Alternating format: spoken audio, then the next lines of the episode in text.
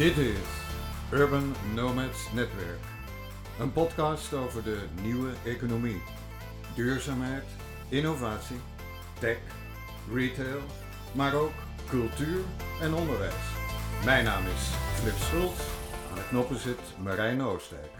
Wat wat je eigenlijk zegt is, zo'n project is een soort puzzel. En naarmate je die puzzel in steeds kleinere stukjes opdeelt, wordt het steeds moeilijker om die puzzel weer compleet te maken. compleet te maken. en compleet te houden, ja. En dat, maar dat vraagt dus juist ehm, van de mensen die dus overzicht hebben over al die componenten, die zijn dan ook meer verantwoordelijk voor die compleetheid en die integraliteit.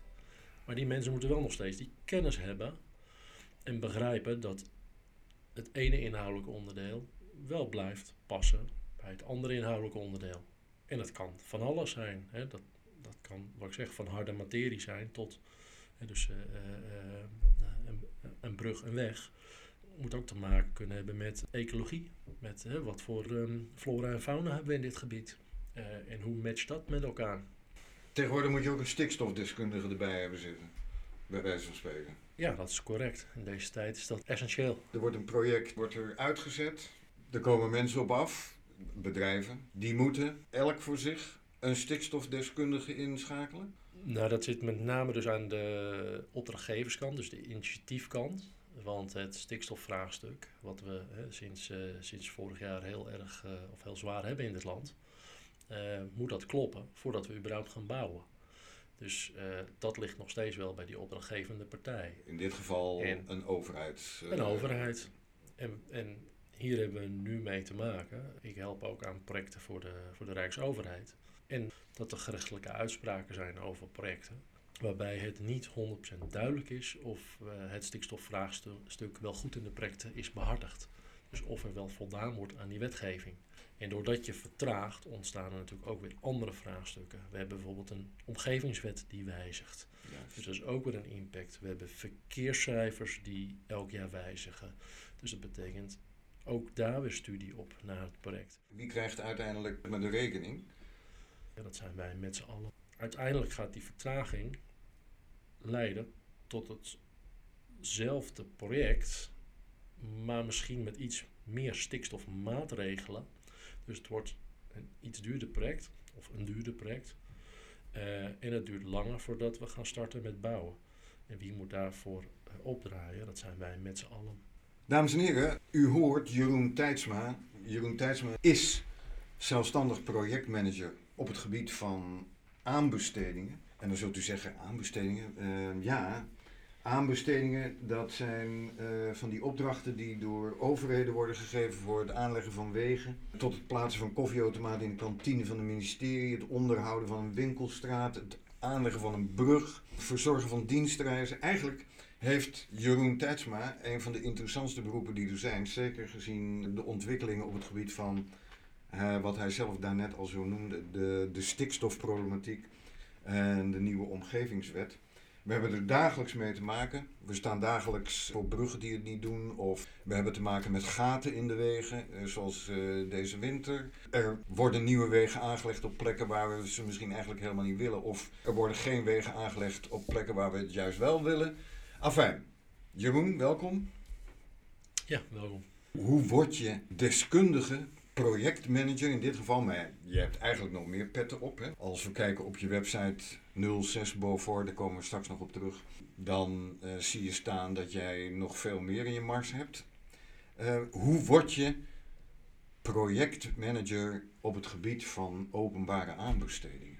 Ja, dat word je niet, daar groei je in. Mijn achtergrond is inhoudelijk. Ik heb weg- en waterbouw gestudeerd. En eigenlijk mijn eerste banen, en dat is geweest voor het hoogheemlerschap. En daarnaast ook een, eh, een aannemer in eh, Noord-Holland. En daar heb ik me vooral bezig gehouden met RW-bestekken, contracten eigenlijk. En anderzijds met ontwerp. RAW betekent rationalisatie en automatisering grond, water en wegenbouw. Alsjeblieft, dat, is, eh, dat realiseren we ons ook nooit. Dat is een stelsel juridische, administratieve en technische voorwaarden dat in Nederland wordt gebruikt voor het samenstellen van contracten in de grondwater- en wegbouwsector. Dus eigenlijk van het begin af aan ben ik wel bezig. Enerzijds met het, eh, het contractdeel. ehm, wat gaan we maken. En anderzijds met hoe gaan we het maken en waaraan moet het voldoen. Dus het ontwerp. En ehm, dus inhoud en contract matcht bij mij altijd. Zit altijd dicht tegen elkaar aan. En vanuit ehm, die banen ben ik eigenlijk eh, doorgegroeid uh, naar, een, naar een ander ingenieursbureau. Waarbij ik meer zowel in de opdrachtgevers- als opdrachtnemerswereld ervaringen heb opgedaan. En daarbij ook meer leidinggevende capaciteiten heb, mijzelf heb toegeëigend. Dus binnen een ingenieursbureau ook een, ja, ik een vestiging heb, heb geleid.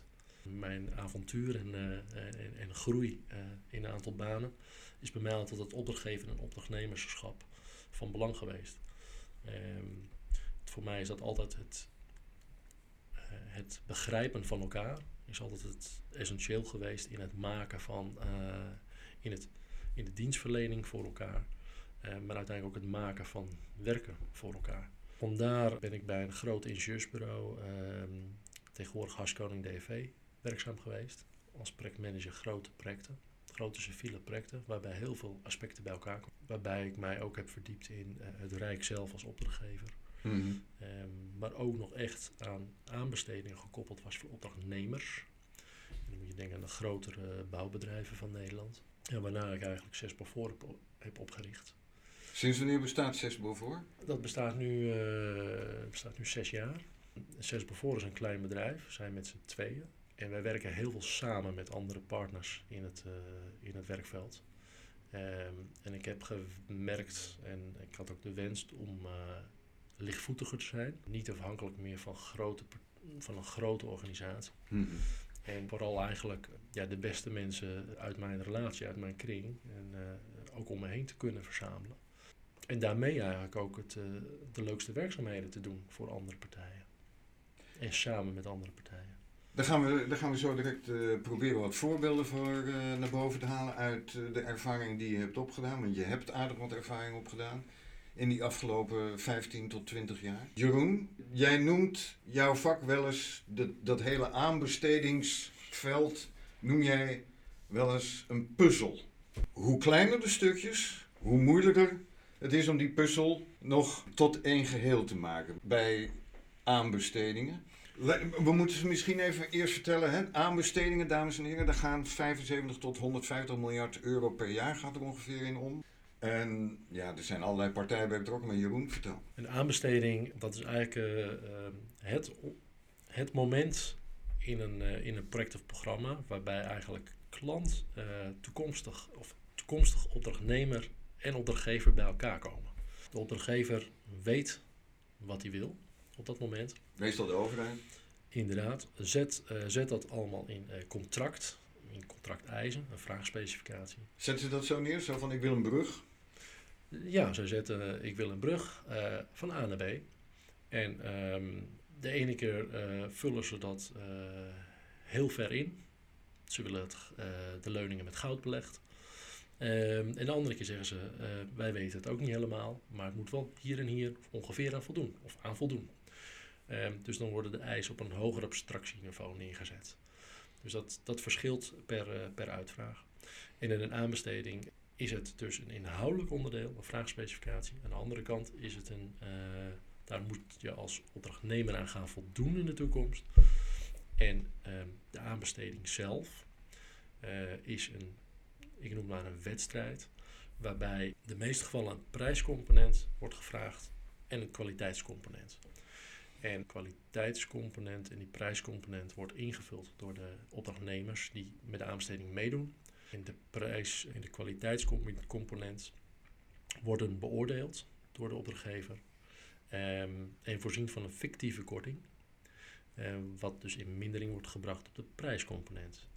Maar die fictieve korting krijgt alleen de partij die op een gegeven moment de aanbesteding gegund wordt, hè? want zo heet dat dan. Ja, de uitslag uh, uh, zit aan die fictieve korting vast. Hè. Dus de, de, de winnaar is degene met de fictieve korting, met de, hoogste, de laagste prijs, hè, waarbij ja. de fictieve korting bij in zit. Maar uiteraard de contractwaarde is de prijs die opgeeft. Dus de prijscomponent. Um, dus de kwalite het kwaliteitsdeel is de meerwaarde die de opdrachtnemer aanbiedt aan de opdrachtgever. En in veel gevallen Dus hij zet net dat step, stapje extra waar die opdrachtgever heel blij van wordt. Alleen, alles wat jij belooft als opdrachtnemende partij, is daarmee ook, gaat ook deel uitmaken van het contract. En is eigenlijk eis geworden. Dus als ik zeg van, qua planning moet het in twee weken klaar zijn. Maar ik zeg als opdrachtnemer, ik doe er anderhalf week over. Mhm. En dat is, Dan moet je dat ook waarmaken. dan is een essentieel, als dat een essentieel onderdeel is in de uitvraag, dan moet je dat ook waar zien te maken. En daarmee ontstaat er eigenlijk een heel interessant eh, spectrum om aan te bieden. Eh, en zien we dat eigenlijk, om, eh, om op de puzzel terug te komen, is het eigenlijk meer eigenlijk een puzzel voor de opdrachtnemer. Hoe ga ik hier winnen? En hoe ga ik winnen, dat hangt niet sec af van de uitvraag. Want achter een opdrachtgever zit een hele wereld. Hoe komt hij tot, tot de juiste uitvraag? Ehm, als opdrachtnemer eh, ja, wil je meer weten dan die uitvraag. Waarom stelt hij deze vraag? Begrijpen wij de vraag? Wie is die opdrachtgever? Maar wie is het projectteam wat hiermee bij betrokken is? Dan moet je ook, dan moet dat moet je allemaal weten. Als je zegt Ja, dat- uit, uitvraagt, dan bedoel je dus eigenlijk het project zelf. Hè? Dus eh, om bij het project van die brug te blijven, eh, de brug van A naar B, dat noem je de uitvraag. Ja, dat is, dat is de vraag over wat je moet realiseren.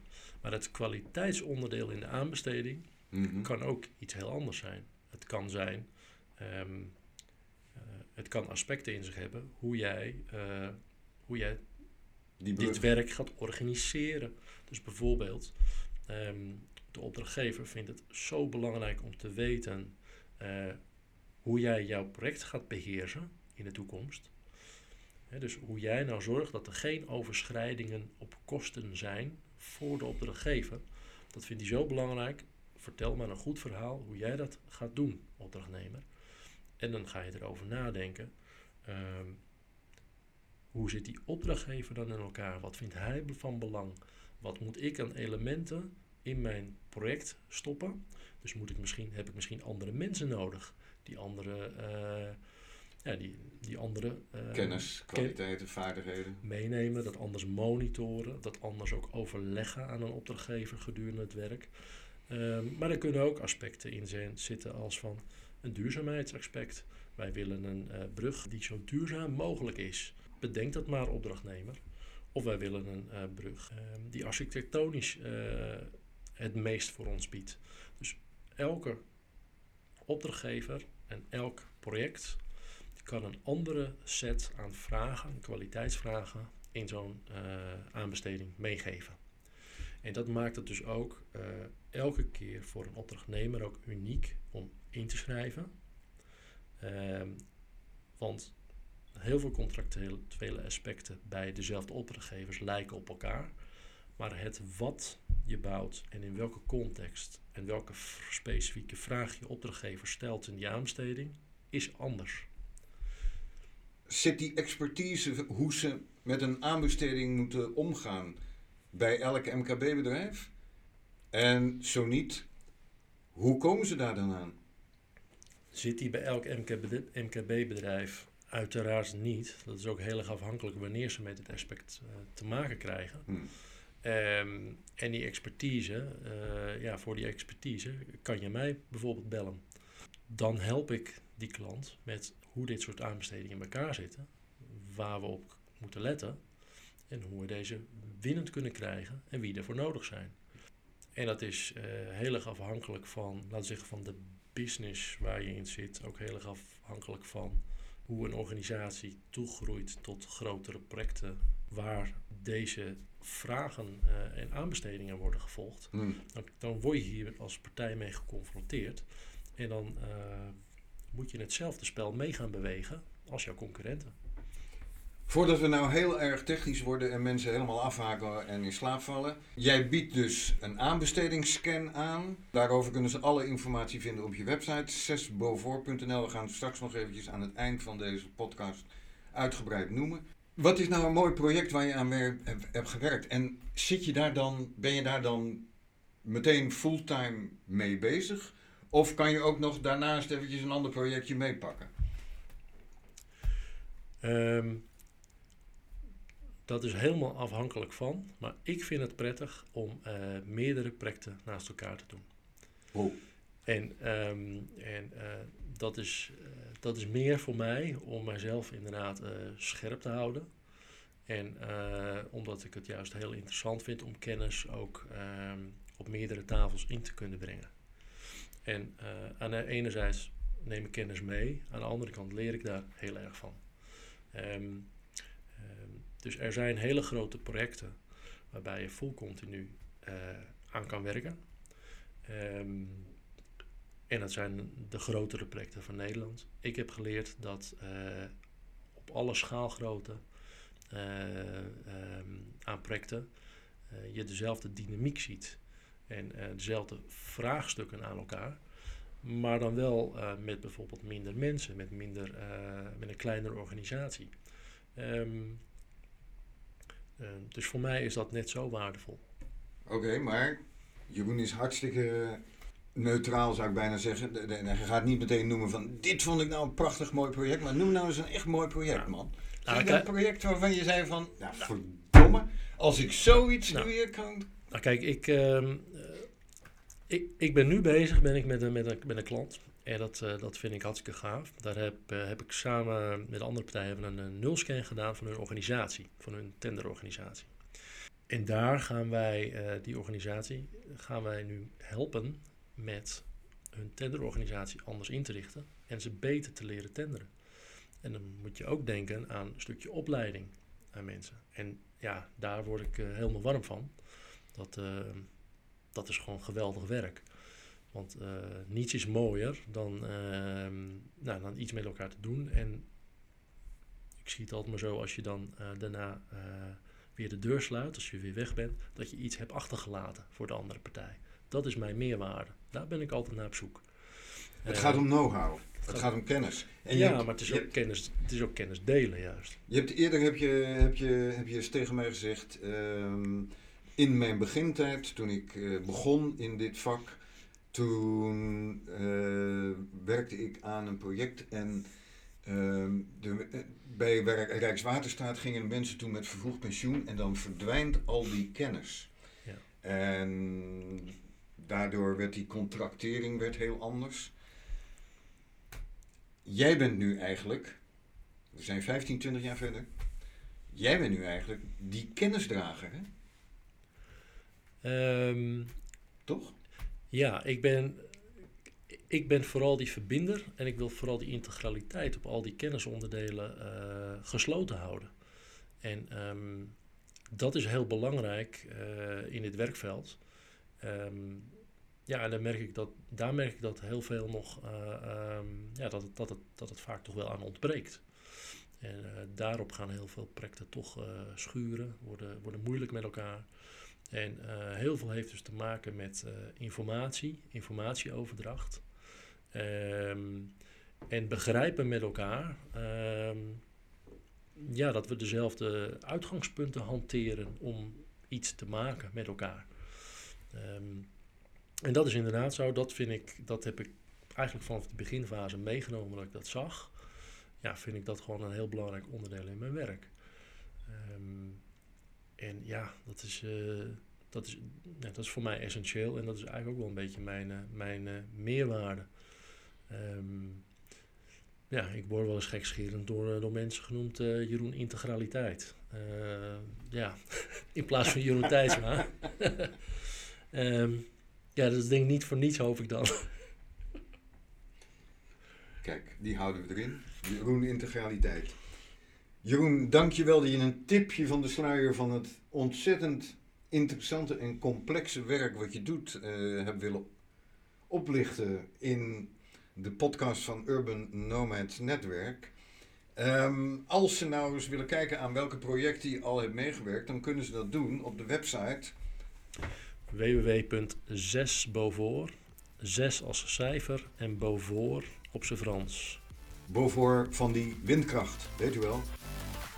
6beaufort.nl